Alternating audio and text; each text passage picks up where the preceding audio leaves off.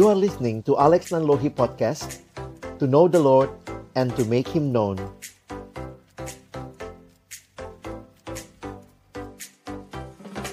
Mari kita berdoa. Bapa di dalam surga kami bersyukur kesempatan sore hari ini Tuhan berikan bagi kami untuk bersama-sama datang memuji memuliakan namamu.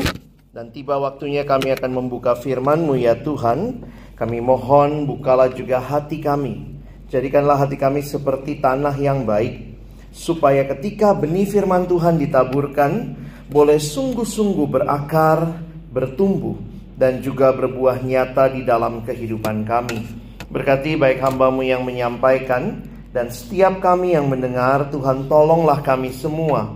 Agar kami bukan hanya menjadi pendengar-pendengar firman yang setia, tapi mampukan dengan kuasa dari rohmu yang kudus, kami dimampukan menjadi pelaku-pelaku firman-Mu di dalam hidup kami, di dalam masa muda kami. Bersabdalah ya Tuhan kami umat-Mu sedia mendengarnya. Di dalam satu nama yang kudus, nama yang berkuasa, nama Tuhan kami Yesus Kristus, kami menyerahkan pemberitaan firman-Mu. Amin. Shalom. Selamat sore teman-teman sekalian. Saya mengajak kita membuka dulu satu bagian firman di dalam uh, Matius 28. Kita akan melihat Matius 28 ayat 19 sampai ayat yang ke-20.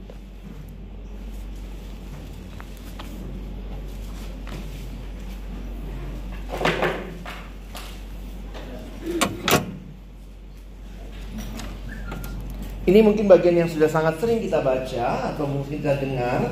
Mari kita lihat sekali lagi Matius 28 ayat 19 dan 20. Baik teman-teman yang sudah menemukan, mari kita baca ayat ini bersama-sama.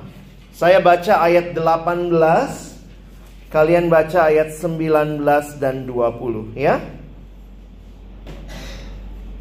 Yesus mendekati mereka dan berkata, Kepadaku telah diberikan segala kuasa di sorga dan di bumi.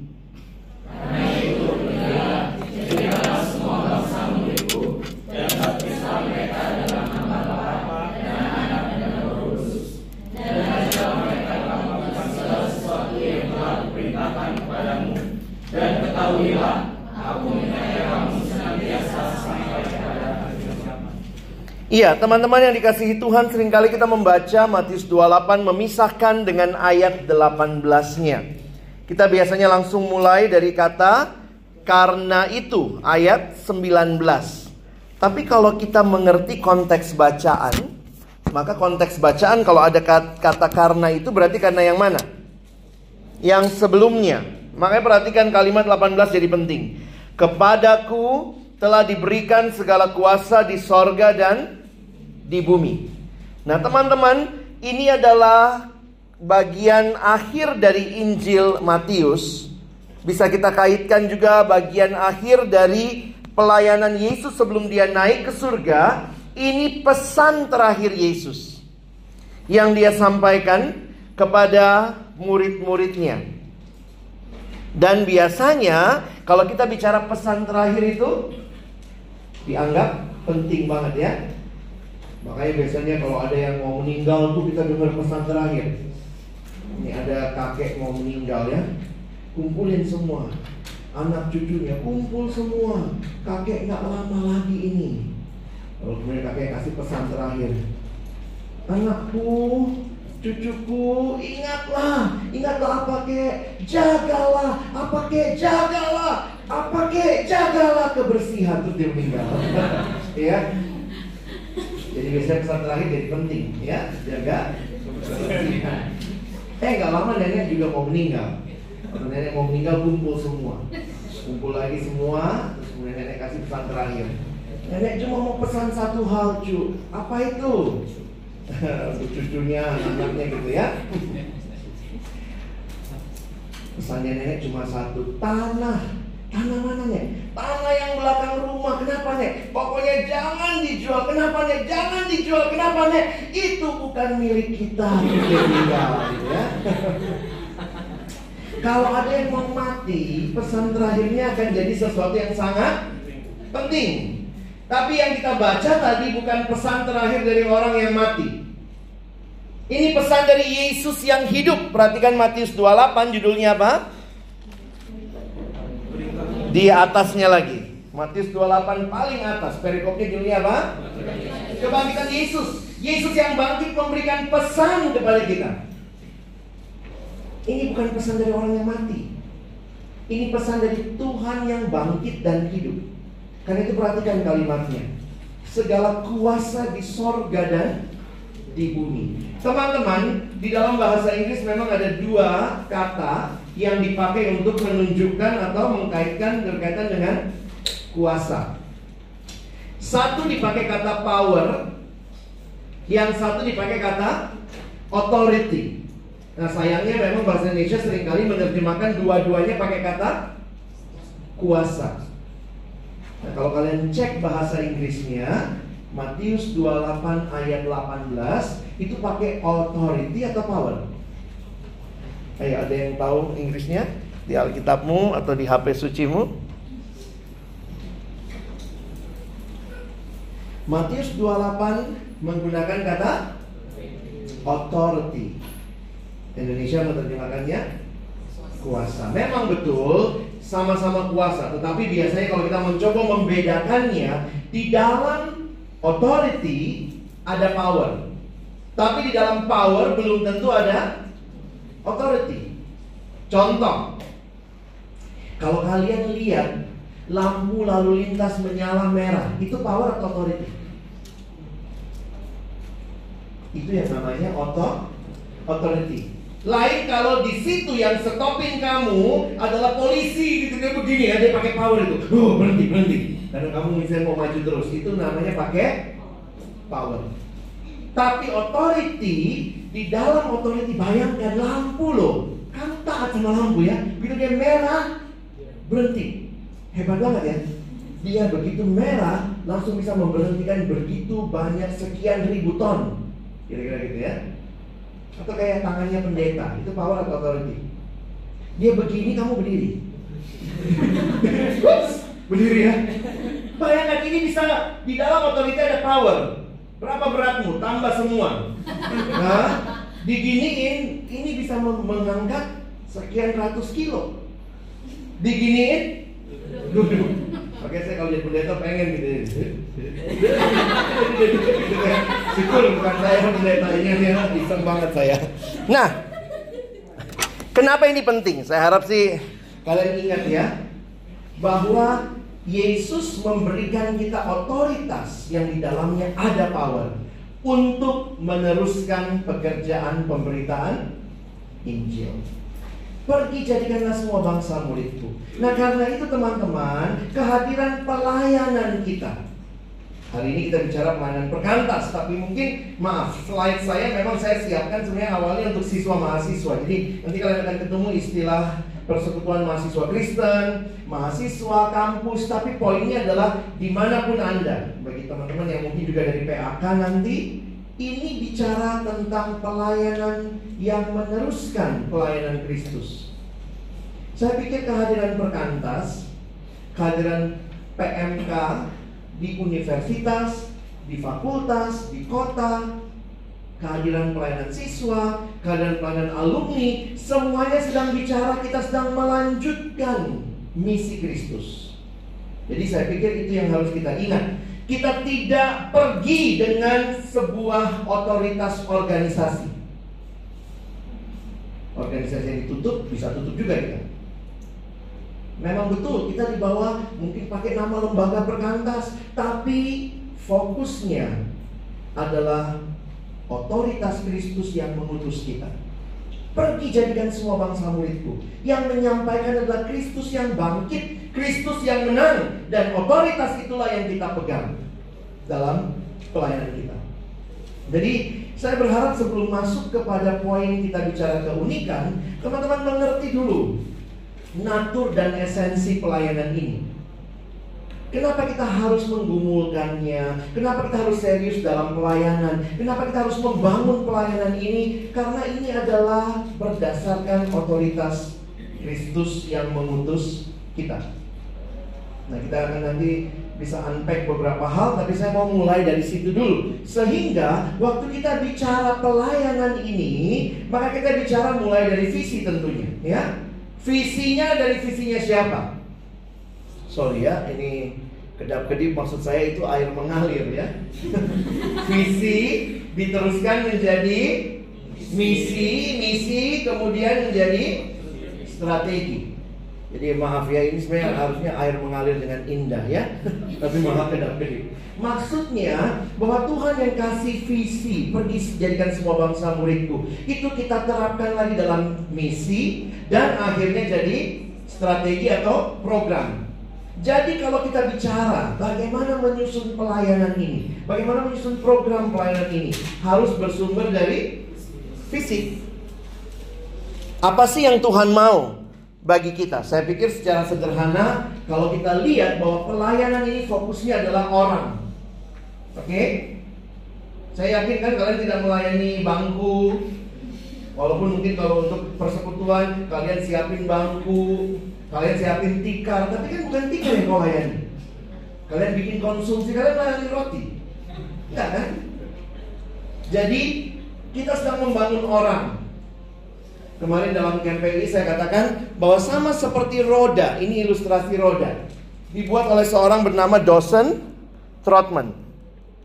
Bapak Dawson Trotman mengatakan, ini gambaran. Sama seperti roda yang muter itu porosnya. Maka di pusat hidup ada Kristus. Makanya teman-teman perhatikan, kalau kita sedang membangun pelayanan ini, target akhirnya itu orang. Santai dia foto itu bukan saya. Kalian mau difoto? Nanti ya. Jadi yang dia bangun adalah yang kita harus bangun adalah orangnya sehingga perangkat-perangkat yang ada di dalamnya pastikan itu menghasilkan orang-orang yang cinta Tuhan lalu punya relasi vertikal kalian bisa lihat lah ya saya bisa tinggalkan slide-nya juga jadi Yesus waktu datang ke dalam dunia Menarik juga ya, Yesus tidak tinggalkan satu pun rupa ya kalau nggak kita kan naik rupa, naik haji, pergi ke sana kan. Oh kita siaran. Yesus tidak tinggalkan sedikit pun uang kas. Tidak ada. Yesus tidak tinggalkan kurikulum.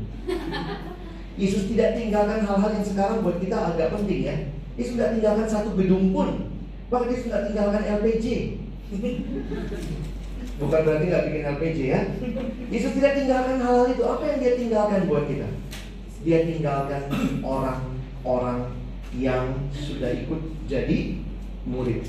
Jadi kalau kita melayani sekarang pakai LPG lah, pakai raker lah, pakai nanti kita bikin kurikulum, kita bangun orang, kita pakai bahan KTB, itu juga kasih bahan KTB kan?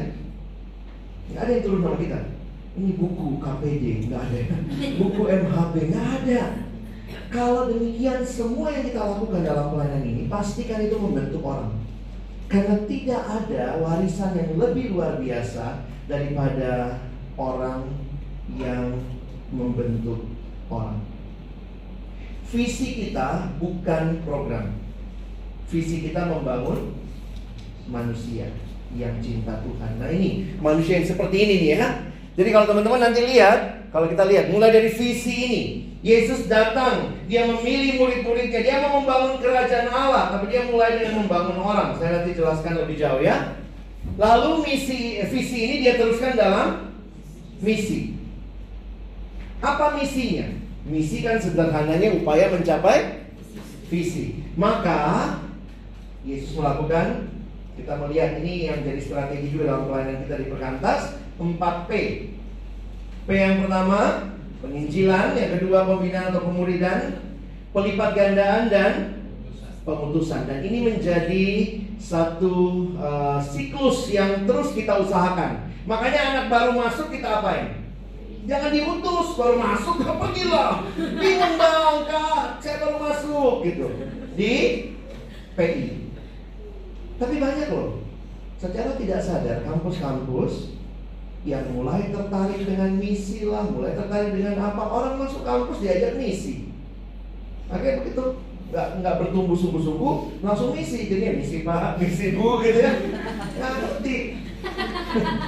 Kalian bisa tertawa karena apa? Karena mungkin kalian nggak ngalamin tapi di beberapa kampus yang lain anak baru ya anak Yesus kan begitu datang. Berapa lama Yesus baru utus muridnya? Sebenarnya ada pengutusan di tengah-tengah. Matius 10 ada ya? Tapi itu pengutusan 70 murid dan itu diutus berdua-berdua itu kayak latihan gitu ya. Mission trip lah. Tapi jangan begitu selesai baru-baru masuk pergilah. Waktu orang itu harus dibina itu dulu. Habis dibina ditolong berlipat ganda. Jadi diinjili dibina nah yang dibina ini jangan senangnya dibina terus nanti lama-lama binasa harus belajar malah melayani makanya kalau ada yang KTB kak saya takut mimpin kelompok dorong dia Kenapa? Kalau cuma terima-terima terus, gendut sendiri. Mesti disalurkan, gitu ya. Kalau ngomong gendut langsung banyak yang tersinggung ya. Iya. Dan pada akhirnya ada masanya. Yesus tiga tahun loh, baru dia katakan pergi jadikan semua bangsa murid. Jadi kalau kita perhatikan roda pelayanan kita, pastikan kita hasilin orang itu visi kita. Pastikan misinya ada tahapan yang jelas. Ada orang-orang tertentu yang mungkin lompatin tahapan ini. Misalnya, oh sudah bertobat di siswa. Perhatikan tuh di kampus. Kalau udah bertobat di siswa jangan diulang lagi gitu. Bertobat lagi kau. Waktu siswa tuh gak dihitung. gitu ya. Saya orang yang dilayani dari siswa. Jadi saya dapat percepatan. Jadi itu menarik juga akselerasi kelas aksel ya. Dan bersyukur kampus saya ngerti. Saya langsung dikasih bahan KTB lanjutan. Kenapa? Karena saya sudah lewatin bahan KTP dan kemudian satu semester dibina, saya diminta menggumulkan jadi pemimpin kelompok. Udah siap. Kenapa? Dari siswa udah dilayani. Makanya buat kalian yang lagi mungkin tertarik melayani siswa itu sangat berguna melayani siswa, menolong pelayanan mahasiswa. Jangan rebut-rebutan. Mau ke siswa, mau ke mahasiswa. Nanti kan yang dapat benefitnya juga adalah mahasiswa. Ya. Jadi lihat. Nah, di mana kita bicara keunikan? Kenapa kita bicara begini begini begini terus kemudian hari ini kita bicara keunikan? Kenapa ada istilah keunikan? Saya mau kasih tahu begini dulu sama teman-teman ya. Kemarin di camp saya bilang begini, apa bedanya unik sama langka? Unik itu mungkin sama, ya. Coba saya kasih contoh. Ini mic, ini mic. Tapi mic ini unik, beda sama yang ini. Memang kemarin ada yang datang sama saya, Kak unik itu sekarang konotasinya orang aneh. Ih dia orang unik gitu ya. Tapi pokoknya ini bukan unik yang aneh begitu ya. Kamu manusia? Iya. Sama-sama manusia nih, kelihatan dari depan manusia semua, ada yang bukan? Tapi kalian masing-masing unik. Orang yang kembar pun Masing-masing unik. Jadi waktu saya melihat ini muncul pertanyaan begini. Gak usah sombong deh PMK, gak usah sombong deh perkantas. Ini dilakukan gereja nggak? Gereja kan melakukan juga. Uniknya di mana? Nah di situ kita jadi pertanyaan. Kalau demikian, saya harus katakan keunikan kita adalah karena kita melakukan misi yang sama dengan gereja, persis sama. Tapi kita unik. Kenapa? Perkantas, pelayanan mahasiswa, pelayanan siswa kita bukan gereja. Gereja itu membina orang dari umur berapa? Dari lahir sampai mati. Ada yang dari lahir sampai mati di perkantas? Jadi ternyata visi misinya sama, tapi waktu dikerjakan beda, unik. Nah, sekarang saya mau memastikan nih, kamu harus ngerti keunikan itu supaya waktu kamu mengerjakan pelayanan ini, kamu tidak lakukan persis kayak di gereja. Makanya pelayanan kita disebut pelayanan yang unik, bukan pelayanan yang langka. Jangan sombong juga gitu ya. Oh, gereja nggak punya keunikan ini. Ada yang gereja memang tidak punya, tapi sebenarnya secara visi dan misi persis sama. Oke? Saya kasih contoh begini. Kenapa ada keunikan? Siapa yang pernah naik bus malam? Pernah ya? bus malam dari ya, biasanya kan malam yang jauh-jauh ya. Dari mana ke mana? Siantar ke Medan. Cuma 4 jam nih itu. Bali Jogja, KMM ya. Numpang tanya nih ya, ini umumnya kalau bus malam Bali Jogja atau Bali Jakarta atau Bali Medan minggu depan kok sampai. ya tapi kan bisa juga kan. Kalau mahal harga tiket udah lah kalau dianggap barang pergi kau naik juga. ALS naik di uh, bagasi. Oke, okay. pertanyaan abang begini. Jadi kalau kalian misalnya naik bus, kita bisa naik apa aja ke Jogja? Ayo, dari Bali ke Jogja bisa naik apa? Pesawat bisa. Bisa naik? Kereta api ada di Bali? Oh, sampai ke Banyuwangi dulu baru naik kereta apa lagi? Mobil pribadi. Mobil pribadi. Motor pribadi. Apa lagi? Motor teman. Motor teman punya teman, ya. Nah, poinnya perhatikan. Banyak cara visinya sama. Visinya mencapai Jogja, tapi caranya bisa beda-beda. Dan di dalam perbedaan itu ada keunikan. Contoh nih ya, kalau naik mobil pribadi sama naik mobil tapi ini bus lah, saya ambil busnya aja. Kalian pernah perhatikan nggak? Biasanya kalau berhenti makan, berhentinya di restoran apa? Hmm? Biasanya di restoran? Entah Jawa, entah Padang, makanannya pras mana? Kenapa nggak berhenti di restoran Cina?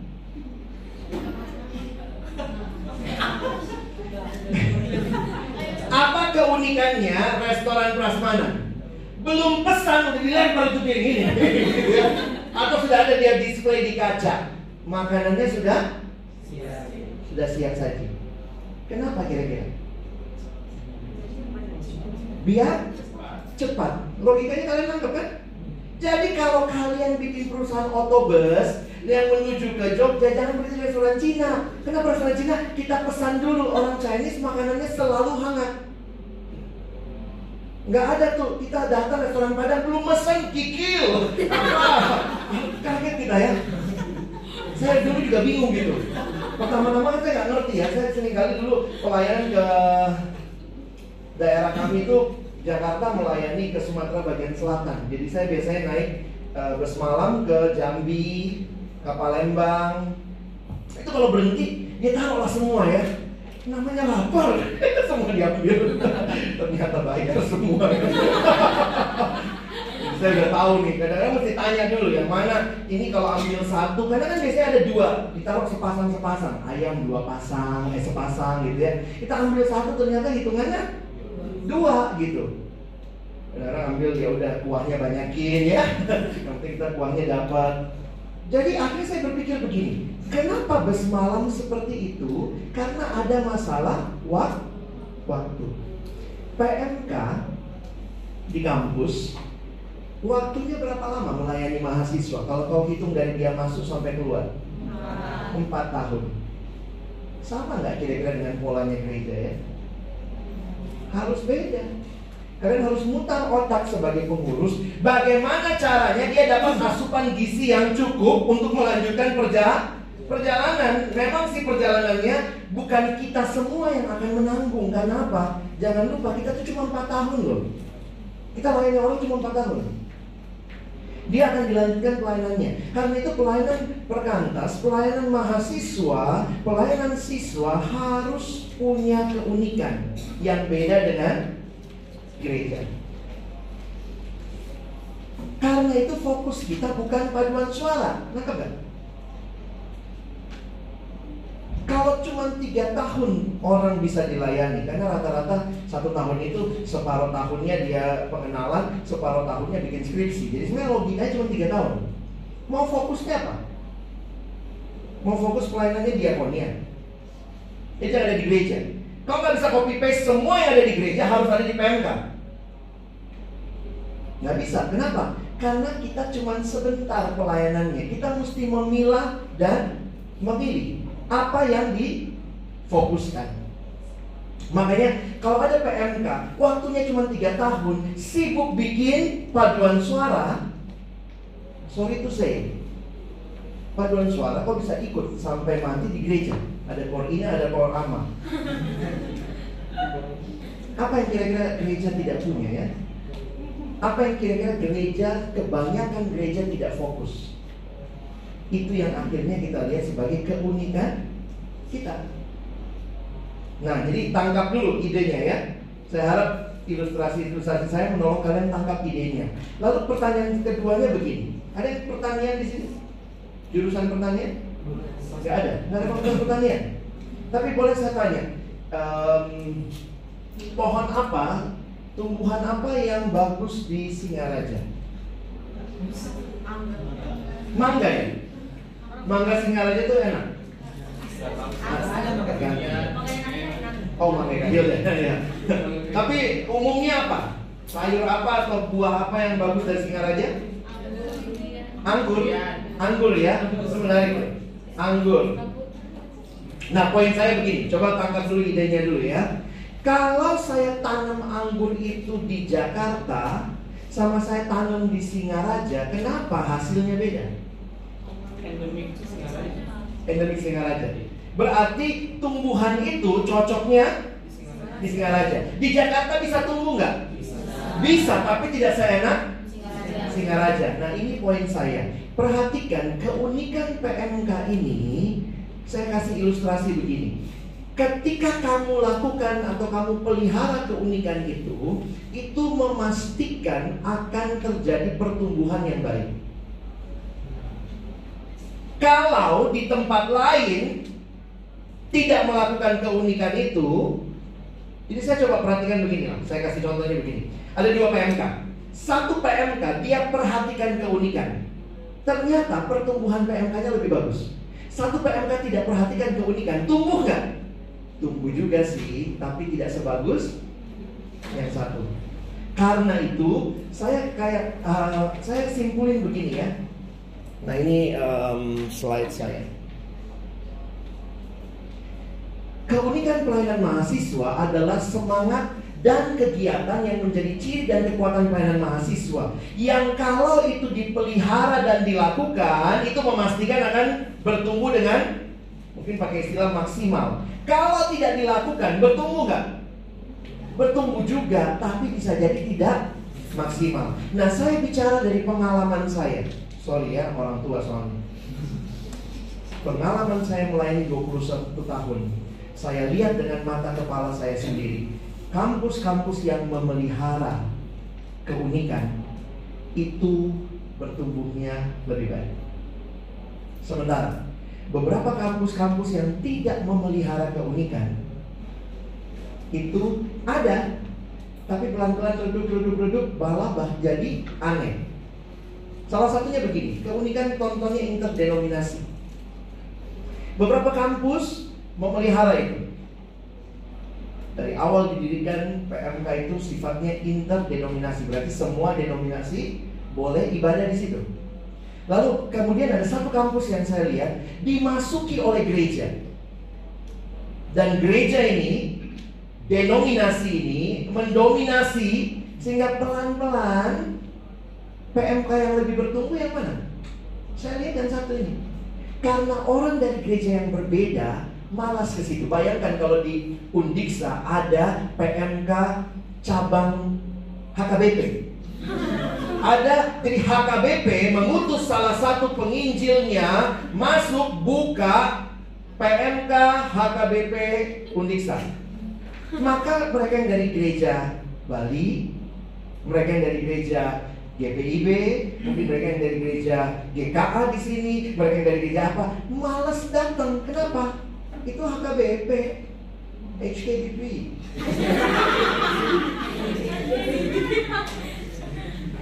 Jadi, jujur aja, beberapa kampus yang saya lihat di Jakarta ada yang di bawahi gereja. Tetap ada nggak PMK-nya? Ada, tapi tidak sesubur, tidak semaksimal yang ada yang ada di dalam interdenominasi. Makanya saya lihat begini, Kalau kalian pengurus, kalianlah yang harus menjaga keunikan ini. Kalau PMK mulai diombang-ambingkan, mulai bingung, mulai, mulai oh kita bikin paduan suara, kita bikin loh ada ada satu PMK kerjaannya itu fokus utamanya adalah perlombaan paduan suara se PMK Jakarta. Itu program utamanya.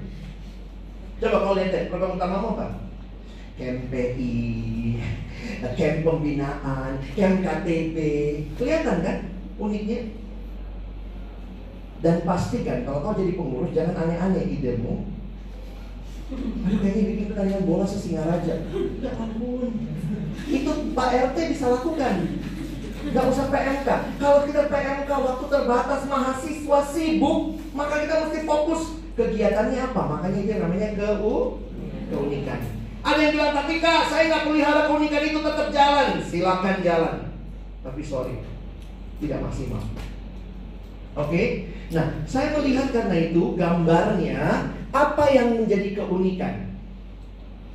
Di dalam, um, sebenarnya tergantung makalah yang dipakai ya. Saya pakai makalah yang 6. Maksudnya begini, enam hal ini pastikan terus-menerus harus ada sebagai keunikan di PM kami. Pertama yang kita sebut dengan Bible Movement. Jadi itu gerakan Alkitab. Apa deh? Bible reading itu baca Alkitab sama ya. Bible movement. Bible reading. Eh, tahe.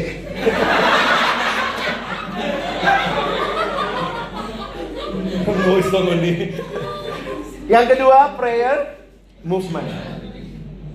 Jadi kita adalah kalau ditanya PMK itu gerakan apa? Yaitu gerakan Alkitab, gerakan doa. Lanjutnya, gerakan penginjilan, gerakan pemuridan. Ada yang menambahkan gerakan misi, walaupun bagi saya itu harus hati-hati ditempatkan. Lalu kemudian ada dua hal yang sangat unik. Kenapa saya katakan sangat unik? Karena empat yang pertama pun gereja punya. Tapi gereja nggak punya ini nih, dua, student movement dan interdenominasi. Nah ini yang akan saya nanti bahas lebih fokus ya. Tapi pastikan kalau kalian pengurus PMK hatimu, bebanmu, programmu pastikan di dalamnya Alkitab dibahas, digali, dibaca, direnungkan, dihidupi. Ada gerakan-gerakan doa karena kita gerakan rohani. Kita nggak bisa ubah hati orang. Hanya Tuhan yang bisa ubah karena itu kebaktian-kebaktian doa. Kalau misalnya nggak tahu di kalian ada personal doanya hari apa gitu ya. Kalau di kampus kami itu macam-macam anak sekarang kan gitu. Ayo ikut doki, hah? Doa pagi. Ayo ikut dosa. Doa sore, eh, doa Sabtu, atau gitu-gitu. Ayo doki dosa gitu ya. Iya, tapi waktu saya lihat itu, saya pikir iya ya. Salah satu yang saya bersyukur pelayanan mahasiswa masih mengutamakan doa. Kita bukan cuma sekedar pelayanan mengutamakan program, tapi kita berlutut. PMK yang maju tidak pernah maju dengan berlari. PMK selalu maju dengan bertelur, berlutut di hadapan Tuhan. Jadi pastikan itu yang ada di dalam pelayanan kita ya. Lalu ini penginjilan, pemuridan. Kenapa? Waktu terbatas. Kecuali kau punya waktu sama dia 20-30 tahun itu namanya gereja dan PMK bukan gereja. Kalau harus saya menolong orang dalam waktu tiga tahun, apa yang saya berikan? Makanya kita terbiasa. Begitu mahasiswa baru masuk, penginjilan. Bukan cuma pesta kebun, pesta taman, ujian party, es krim party. Orang tambah gemuk gak bertobat. Itulah yang sering kali dilakukan oleh banyak ikatan-ikatan kesukuan di kampus. Oh, itu di UI juga sama. Begitu masuk itu langsung tuh satu pakai baju padang, padang, padang. satu jual satu padang, satu padang gitu ya. Langsung tuh, begitu masuk tuh langsung ikatan mahasiswa Sumatera Barat, ikatan mahasiswa Aceh, ikatan mahasiswa mana. Saya pikir oke okay lah, secara secara kesukuan kita punya keterikatan. Saya paling bingung. Ikatan mahasiswa Sumatera, eh Sumatera, eh, Ambon, mau masuk Ambon atau masuk Manado atau ujung pandang? Nah, saya lahir besar di ujung pandang. Jadi akhirnya saya enggak, saya pilih persekutuan. Kenapa? Saya sudah cukup Ambon. saya sudah cukup Manado, saya sudah cukup Makassar. Saya butuh Tuhan lebih, bukan ke Makassaran, ke Ambonan saya. Ya? Oh mau main bola sama-sama, mari. Sapi main bola. Tapi saya juga mau bertumbuh dalam baca firman Tuhan. Kenapa? Ini waktunya terbatas. Saya mau iman saya. Ada tiga doa saya waktu masuk kampus. Tuhan kasih kampus yang baik, punya persekutuan yang baik, kasih saya gereja yang baik. Nah, Tuhan jawab itu buat saya. Sehingga uh, gerakan-gerakan ini jadi utama ya. Student movement interdenominasi. Baik, saya akan mulai sebentar. Waktu kita terbatas sekali ya. Saya lewatin um, kemarin saya udah bahas sebenarnya soal pemuridan di camp. Intinya adalah uh, kalau kalian lihat gambar, ada yang bikin gambar begini. Makanya saya bilang ini yang tujuh ya. Karena dia masukkan misi, mission movement. Saya fokus ke enam saja. Nah, perhatikan dua yang menjadi sumber utama adalah Bible dan prayer movement. Karena yang namanya penginjilan pun basicnya Bible and prayer. Yang namanya pemuridan basicnya Bible and prayer. Karena itu kalau kalian perhatikan salah satu yang memang fokus sangat unik bagi saya adalah dua ini nih. Karena ini gereja nggak punya. Student movement dan interdenominasi. Ya, nah kita fokus ke situ. Saya lanjut uh, slide saya.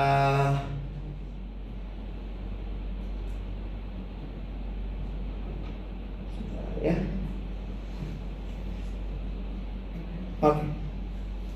Visi yang kita mau capai dengan program-programnya salah satu yang menarik adalah kita mesti capai itu di dalam keunikan yang dua ini, student movement dan interdenominasi. Apa maksudnya? Gereja bikin baca Alkitab, oh sama ini Alkitab terbuka terus ya, siapa yang baca nggak tahu ya. Beberapa gereja itu yang masuk pertama apa? Alkitab kan? Jadi sebenarnya gereja sangat menghayati Alkitab, tapi bagi saya jangan cuma dijadikan simbol, tapi dibaca, direnungkan. Karena itu gerakannya PMK barulah Bible reading, ya. Kita bukan cuma Bible opening atau Bible uh, Bible prosesi gitu ya. Makanya fokus kita Bible reading.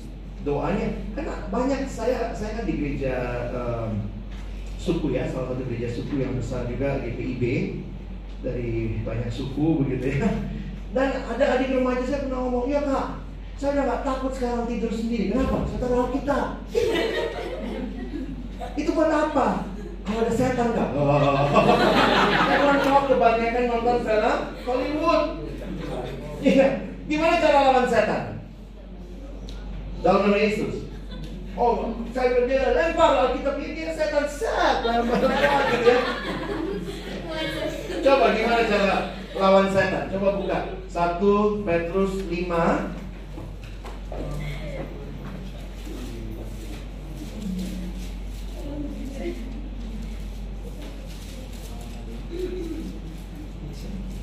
Teman-teman baca ayat yang ke-9. Saya baca ayat yang ke-8.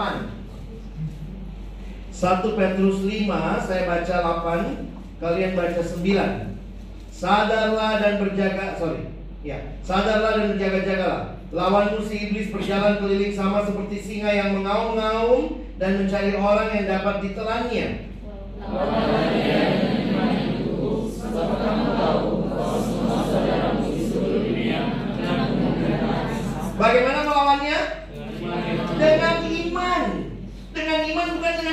Alkitabnya. Bagaimana iman timbul? Roma 10 17. Roma 10 17. Ayat hafalan nih.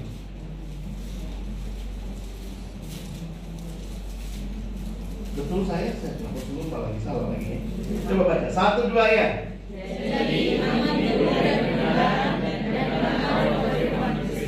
Jadi iman timbul dari mana? Pendengaran adalah rohani. Firman. Karena itu kenapa pembinaan kita fokusnya apa? Baca kitab suci. Doa tiap hari. Saat teduh. Makanya kalau kalian jadi pemimpin kelompok, jadi pengurus, kalian pastikan orang-orang yang kamu bina karena target kita orang, dia baca kitab suci, doa, dia punya relasi pribadi dengan Tuhan. Karena melawan setan pun dengan iman, bukan dengan fisiknya. Kadang-kadang kita pikir kayak film-film Hollywood gitu ya. Nah, kebanyakan film Hollywood, oh kalau nanti setan lihat Alkitab udah dia panas, panas gitu, dia terbakar gitu ya. Kadang saya pikir dari mana lu dapat konsep kayak begini? Itu nggak ada di Alkitab. Makanya mesti jelas kan. Saya tes dulu nih iman kalian.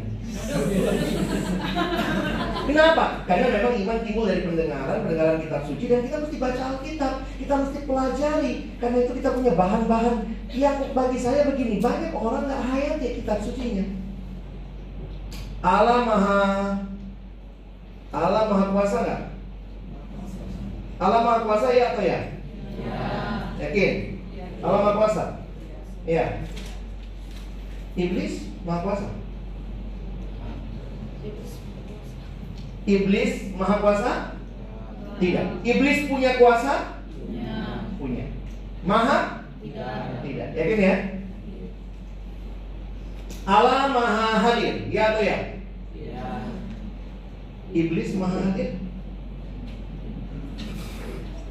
Eh, temannya. Iblis maha hadir ya atau ya? Allah maha hadir? Iblis? Tidak. Iblis ada di mana-mana? Ada. Maha? Tidak. Yakin? Yakin? Nah, sekarang pertanyaan teologis. Jawabnya teologis. Apakah di sini ada iblis? Jangan lihat temanmu. Kau lihat siapa? Apakah di sini ada iblis? Ada. Eh? Teman. Tuh, saya tanya ulang. Allah Maha Hadir? Iblis Maha Hadir? Tidak. Sekarang jawabnya teologis. Apakah di sini ada iblis? Kau pastikan dari mana pastikan? Harusnya jawabnya apa kalau teologis? Apakah di sini ada iblis? Bilang iya, tahu dari mana? Bilang tidak, tahu dari mana? Paling gampang jawab tidak tahu itu tidak ngerti teologi berarti. Jadi jawabnya apa? Apakah iblis ada di sini? Mungkin. Nyong jadi teolog sudah. itu jawabannya teologis loh. Apakah di sini ada iblis? Mungkin. Apakah di sini ada Allah? Pasti. Kenapa? Ini teologi kita kan. Iblis tidak maha hadir, tapi bisa hadir di banyak tempat, tapi tidak maha. Berarti di sini ada mungkin. Allah ada pasti. Kenapa kalau malam-malam pergi kencing lebih takut sama yang mungkin ada, tidak pegang yang pasti ada? Malam-malam, aduh ada setan, ada itu kan belum pasti. Setan pun mungkin tidak tidak. Setan tidak berhentikan semua proses uh, penggodaan karena apa? Kau sudah ketakutan sendiri sama teologiamu yang tidak baca Alkitab. Harusnya kalau ke toilet malam-malam, di sini ada? Dalam nama Yesus, dalam nama Yesus ada kemenangan. Loh, setelah saya bicara begini banyak mahasiswa yang, ya ampun kak, begitu ya? Ya iya. Lawan iblis pakai apa? Pakai firman dalam nama Yesus. Tapi kau kenal siapa Yesus, dia yang hadir di mana-mana. Jangan kalau di kita soalnya begitu, film Indonesia di sini ada setan. Nanti kemudian ada kuntilanak. Kuntilanak satu, dua, tiga, sequel dia. Terus pocong juga bikin, pocong satu, dua, tiga. Terakhir ketemu pocong kuntilanak. Jadi memang kita ini kesetanan. Kita mau membangun hidup yang kenal Tuhan, punya kemenangan dalam dunia ini. Karena itu kuncinya baca kitab suci, bukan baca nonton drama Korea, baca novel-novel cinta, itu selingan. Yang utama harus diutamakan. Makanya PMK itu bangun cinta sama Tuhan supaya makin baca Alkitab, makin berdoa, makin ngerti. Pastikan itu ada. bawa orang jadi apa? Jadi murid. Diinjili, habis diinjili di follow up. Ya kadang-kadang juga follow me sih gitu ya. Ada kakak-kakaknya ke follow me gitu ya, jadi pacar deh. Tapi poinnya follow up jadi murid. Nah, kenapa kita bisa melihat ini dalam keunikan? Karena dua hal ini. Kalau kalian nanti menyusun program, maka kalian harus menyusunnya melihat memperhatikan keunikan ini. Karena ini sebenarnya semangat ya. Kita mulai yang pertama, student movement dulu. Student movement adalah gerakan di mana mahasiswa yang utama berinisiatif dan bertanggung jawab untuk menggenapkan visi pelayanan mahasiswa di kampusnya, bukan alumni, bukan staff, bukan juga rohaniwan gereja. Pastikan, karena itu kita ada pengurus. Kita ada orang-orang yang akan mengurusi pelayanan ini dan karena kita pelayanan mahasiswa, siapa yang lakukan? Mahasiswa. Di kalianlah ada tanggung jawabnya. Tidak ada pembicara bisa datang tanpa kalian undang. Misalnya, kadang-kadang kalau saya bisa di Jakarta ya, saya bilang ya mana suratnya misalnya. Mereka kirim surat, yang undang itu mahasiswa. Mereka yang memastikan bikin tujuan dengan jelas supaya saya mengerti. Sebenarnya kenapa? Karena yang paling rindu temannya dengar firman siapa? Saya pengurus ini kan, kalian rindu banget temenmu dengar firman. Lalu kau jadi pengurus, kau bikinin Uh, cuman kau daripada kau yang ngomong kau juga bingung ya. Kau undang ke Haris. Haris ini tujuannya ini loh yang kami mau kasih tahu. Kami rindu sekali mereka kenal Tuhan. Ke Haris tolong makin jelas suratmu makin jelas ke Haris khotbahnya kenapa? Karena kalianlah yang memberi. Ini ini pelayananmu. Nggak bisa ke Haris datang tiba-tiba oh maaf tadi malam Tuhan bicara sama saya saya mesti datang diundang dulu kasarnya gitu ya makanya mahasiswa yang paling bertanggung jawab. Bagaimana kalian memastikan pembicara sampai? Misalnya kalau kayak kami di Jakarta kan kadang-kadang saya bilang ini pengurus kok. Nggak student movement ya. Kadang-kadang kirim undangan tujuan nggak jelas. Lalu kemudian nggak nanya juga kakak sudah di mana. Beberapa kali saya malah kontak, dek jadi besok di kampusmu. malah kita yang kontak gitu. Saya bilang, ya jadi kak. Oh iya kak maaf lupa, sibuk banget. Saya bilang ya kan bukan saya yang tanggung jawab, kamu yang tanggung jawab. Kalau saya nggak datang jangan salahkan saya. Karena itu pelayanan ini yang kelola mahasiswa. Tapi di mana peran alumni? Di mana peran staff? Jangan sangat mahasiswa, tidak ada yang boleh masuk, semua di luar. Nggak bisa juga. Ya. Karena itu lihat kalimat ini ya, kita baca yang pertama. Satu dua ya. Hati-hati, student movement bukan berarti menolak kehadiran dan peranan alumni dan staff. Tapi jangan saling meniadakan. Alumni juga tahan diri. Ada kampus di Jakarta yang kontak saya alumninya. Ini buat acara apa deh? Ada pesan alumni. Oh bukan kak, untuk persetujuan kampus. Kok kamu yang kontak? Oh, dia terlalu kasihan. Iya adik-adik sibuk kak. Kalau sibuk, tolong mereka bisa melayani. Bukannya kau yang gantiin kontak begitu kan? Jadi itu kayak alumni juga kadang-kadang saking besarnya cinta mengambil alih sehingga mahasiswa tidak dilatih. Ya. Student movement seharusnya mendorong mahasiswa untuk lebih mengandalkan hikmat, kekuatan dan pertolongan Tuhan. Kadang aduh ini gimana ya? Saya kadang-kadang beberapa kali gitu juga ya. Ini gimana Kak Alex? Saya bilang kalian pikir dulu. Karena kan kalian yang pengurusnya. Nanti telepon saya sesudah kalian berunding. Baru kita diskusi. Jadi sebelum saya ke sini, kampus saya Fisip UI uh, kontak Kalex kami kepikir mengubah alur pembinaan begini begini begini. Bagaimana menurut Kalex? Saya bilang saya alumni diajak diskusi. Saya ingat ini pelayanan mahasiswa. Saya bilang kalian diskusi dulu kalian selesai diskusi baru kita teleponan. Kami uh, apa voice call empat orang gitu ya baru kita diskusi. Sehingga saya juga tidak intervensi. Karena memang kalau kita alumni itu rasanya kayak pemilik juga ya tanpa kita sadari. Jadi bisa aja waktu itu saya langsung oh, begini aja. Nah ini begini, ini begini, ini begini, ini begini. Kalau anak kecil kan digituin langsung iya kak iya. Oh benar yang kalian bilang bagus gitu ya. Tapi saya nggak nolong kamu bertumbuh. Saya harus kasih kesempatan.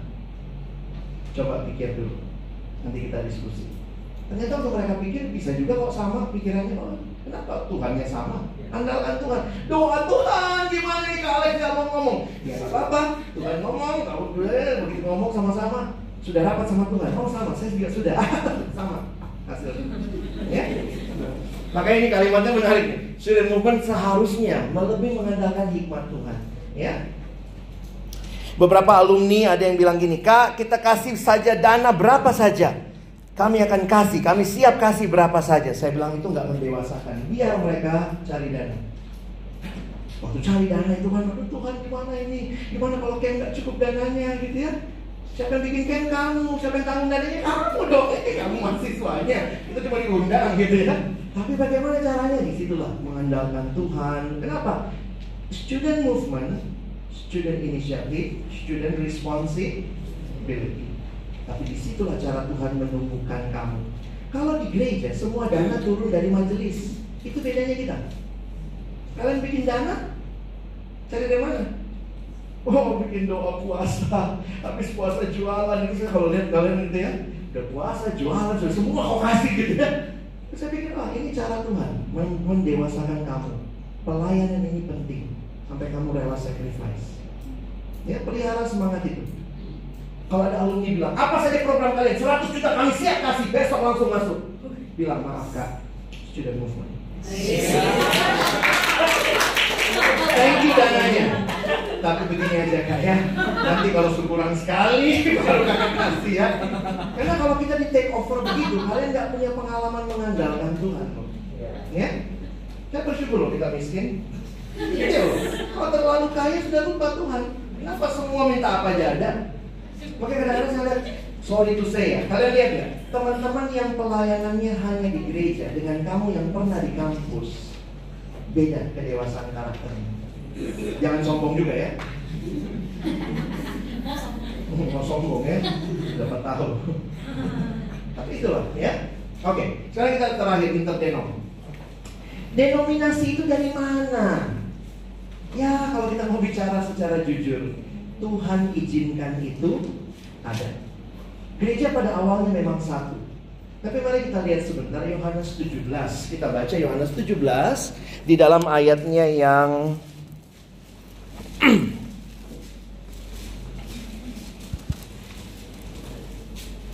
Yohanes 17 Teman-teman coba lihat ayat 20 sampai 21.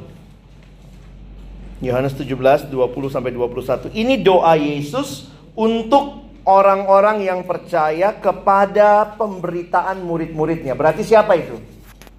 Kita. Ya, orang-orang yang percaya. Ya kita baca. Satu dua ya.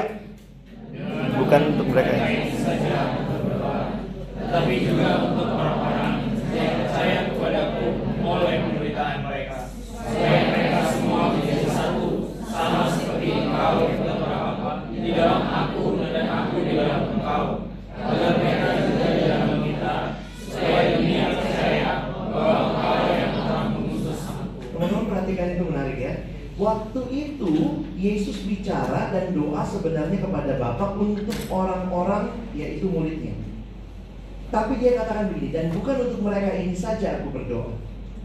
Tapi untuk orang-orang yang akan percaya dari pemberitaan mereka. Berarti semua yang dengar pemberitaan Rasul termasuk kita. Dan apa inti doa Yesus?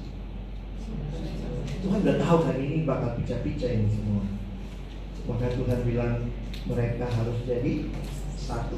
Nah, ini jadi perdebatan. Kesatuannya itu kesatuan yang organisasi atau kesatuan yang rohani. Kalian lebih setuju yang mana? Rohani ya. Kenapa kita nggak bikin aja GD Gereja Dunia seluruh gereja di dunia jadi satu? Itu bingung kepastiannya ya. Mau pakai gaya mana? Jadi kayaknya kita menghayati bahwa Yesus tidak bicara kesatuan fisik, tapi Yesus bicara kesatuan rohani. Kenapa? Karena dia pakai istilah sama seperti aku dan Bapa satu. Yesus dan Bapa satu kelihatan kan? Enggak kan?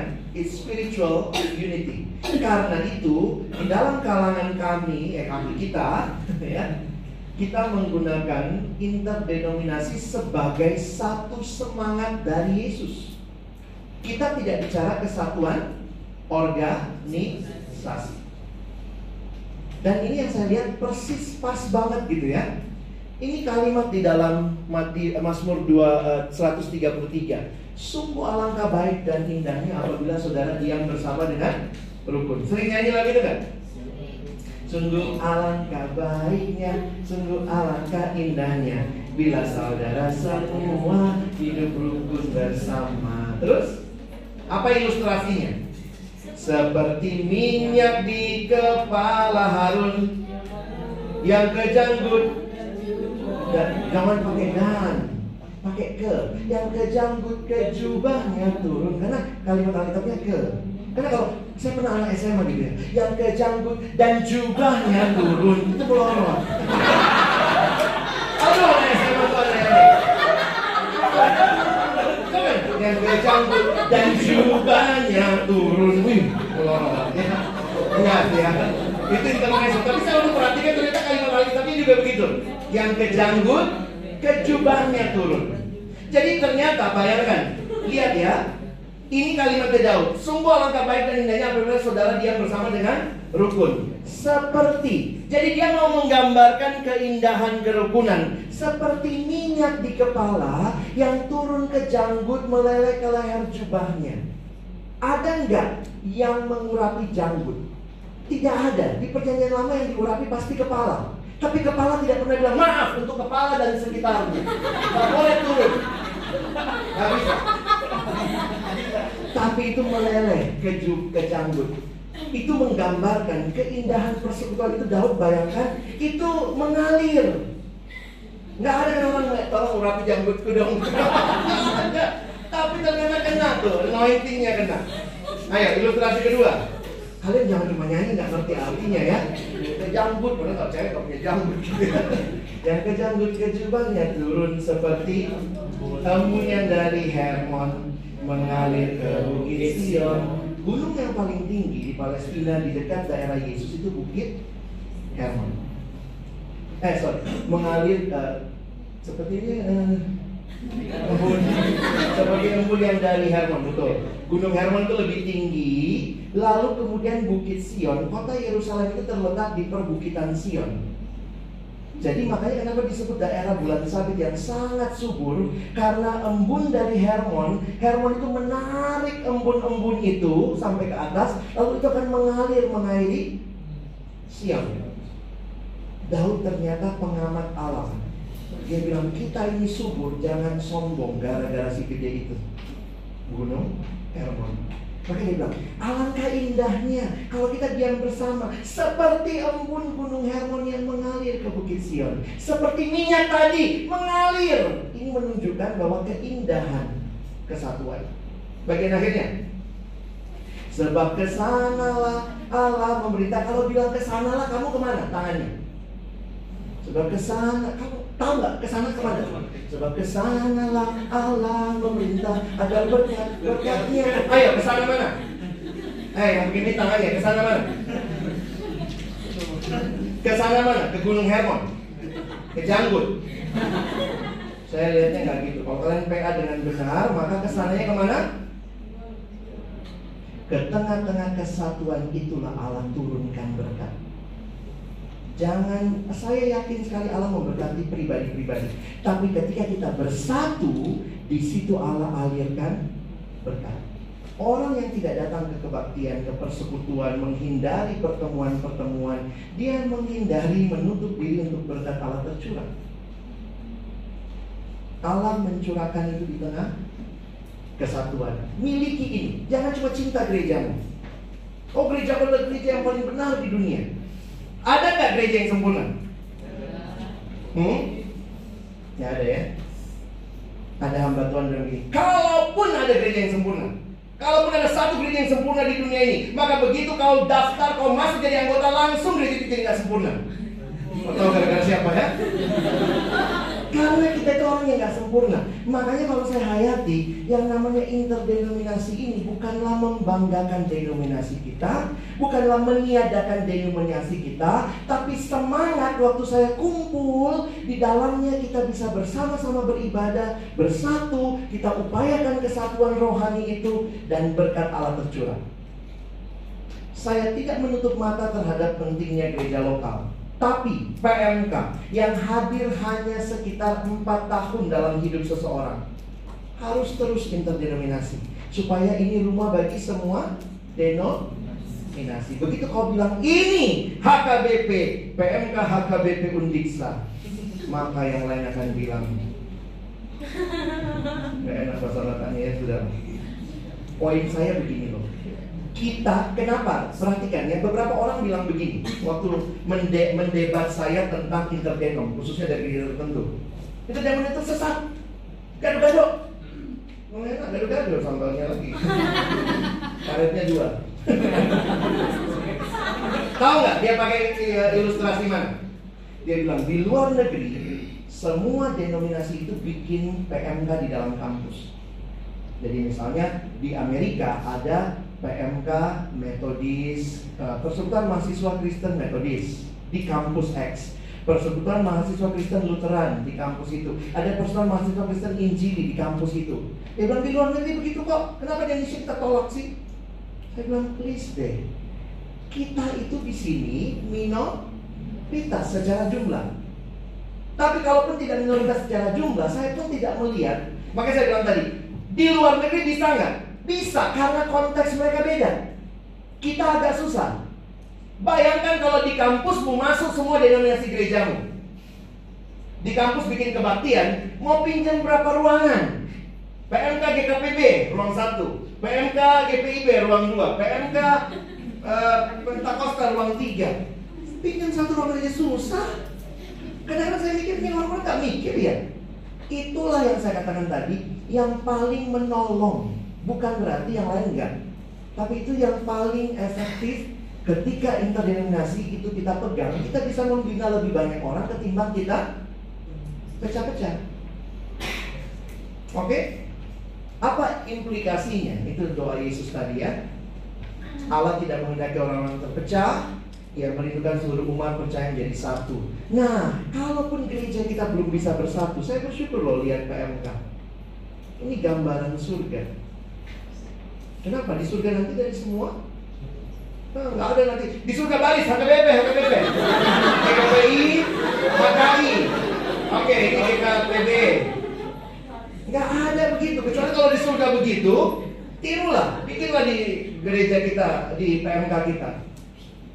Jadi saya no problem. Denominasi itu keindahan gereja. Ayo saling menghargai. Ya, Interdenominasi antara aliran semangat untuk menjalin kesatuan di antara orang percaya dari berbagai berbeda denominasi. Berarti apa? Tidak menganut suatu doktrin yang sepenuhnya milik satu aliran gereja. Namun tidak berarti PMK tidak memiliki doktrin sama sekali.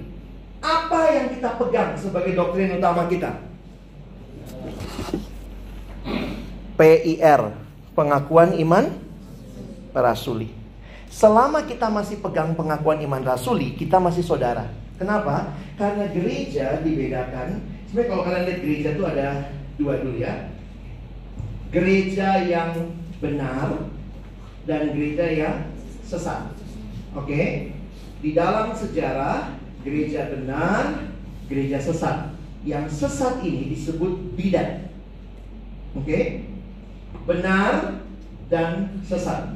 Bidat. Apa bedanya bidat sama bodat?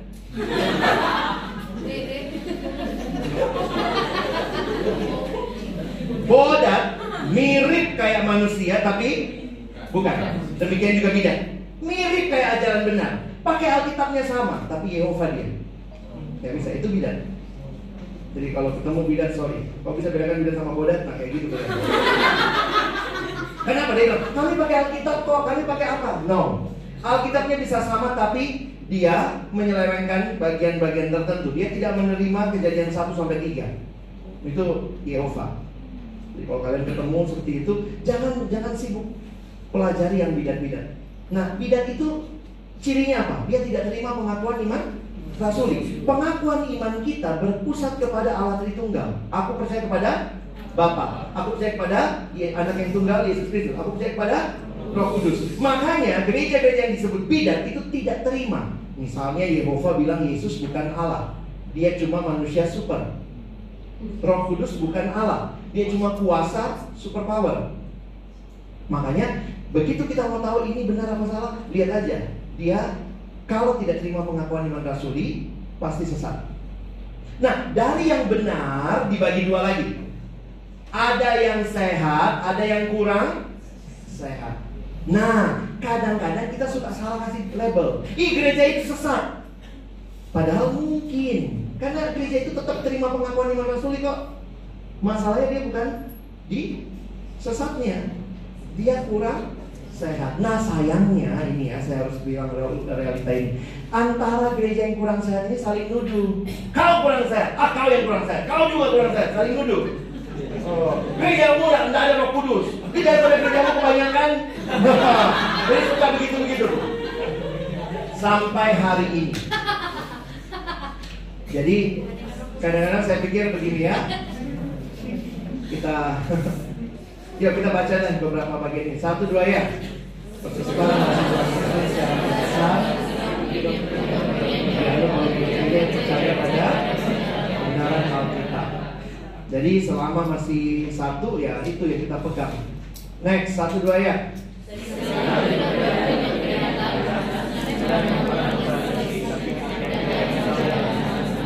Jadi jangan berantem sebenarnya soal itu ya. Nah, bagaimana yang terakhir mengusahakan memelihara interdenominasi, maka sebaiknya kita punya kerendahan hati. Kita mesti ingat ada doktrin-doktrin dalam gereja yang memang dalam sejarah berbeda.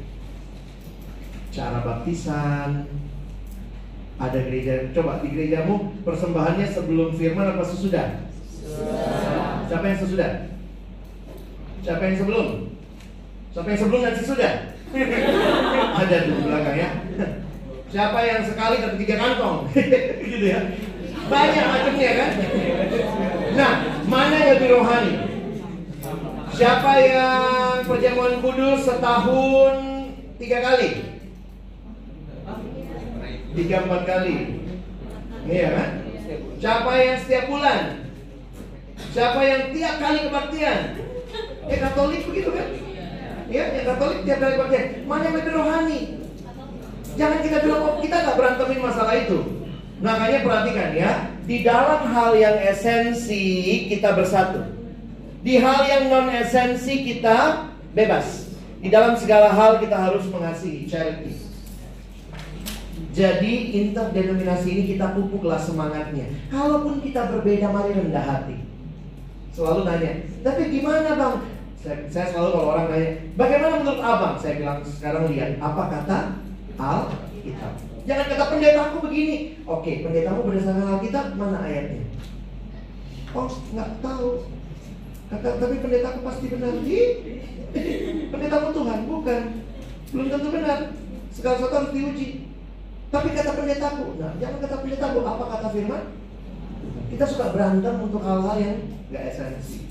Ya, oke. Jadi ini yang kalian harus jaga, pastikan. Kalau kalian pengurus di kampus, terus PM kamu fokus kepada firman Tuhan, fokus kepada doa, fokus memuridkan, fokus penginjilan, dan semangatnya student movement dan hargai interdenominasi. Oke, kita harus mengisi perut kita. Mungkin sebelum nanti mulai yang kedua, saya kasih kesempatan bertanya ya, kalau mungkin ada yang kalian mau tanya. Oke, itu dulu. Mari kita berdoa. Tuhan terima kasih banyak buat kesempatan belajar malam hari ini supaya kami juga menghargai keunikan yang ada, keunikan dalam pelayanan lembaga seperti Perkantas yang juga dipegang oleh kampus-kampus. Kami rindu keunikan ini menolong kami bisa melayani dengan lebih fruitful lagi, lebih maksimal lagi. Terima kasih. Tolong kami bukan cuma jadi orang-orang yang mengerti, tetapi juga belajar, dimampukan menerapkan dalam hidup kami. Kami bersyukur dalam nama Yesus. Amin.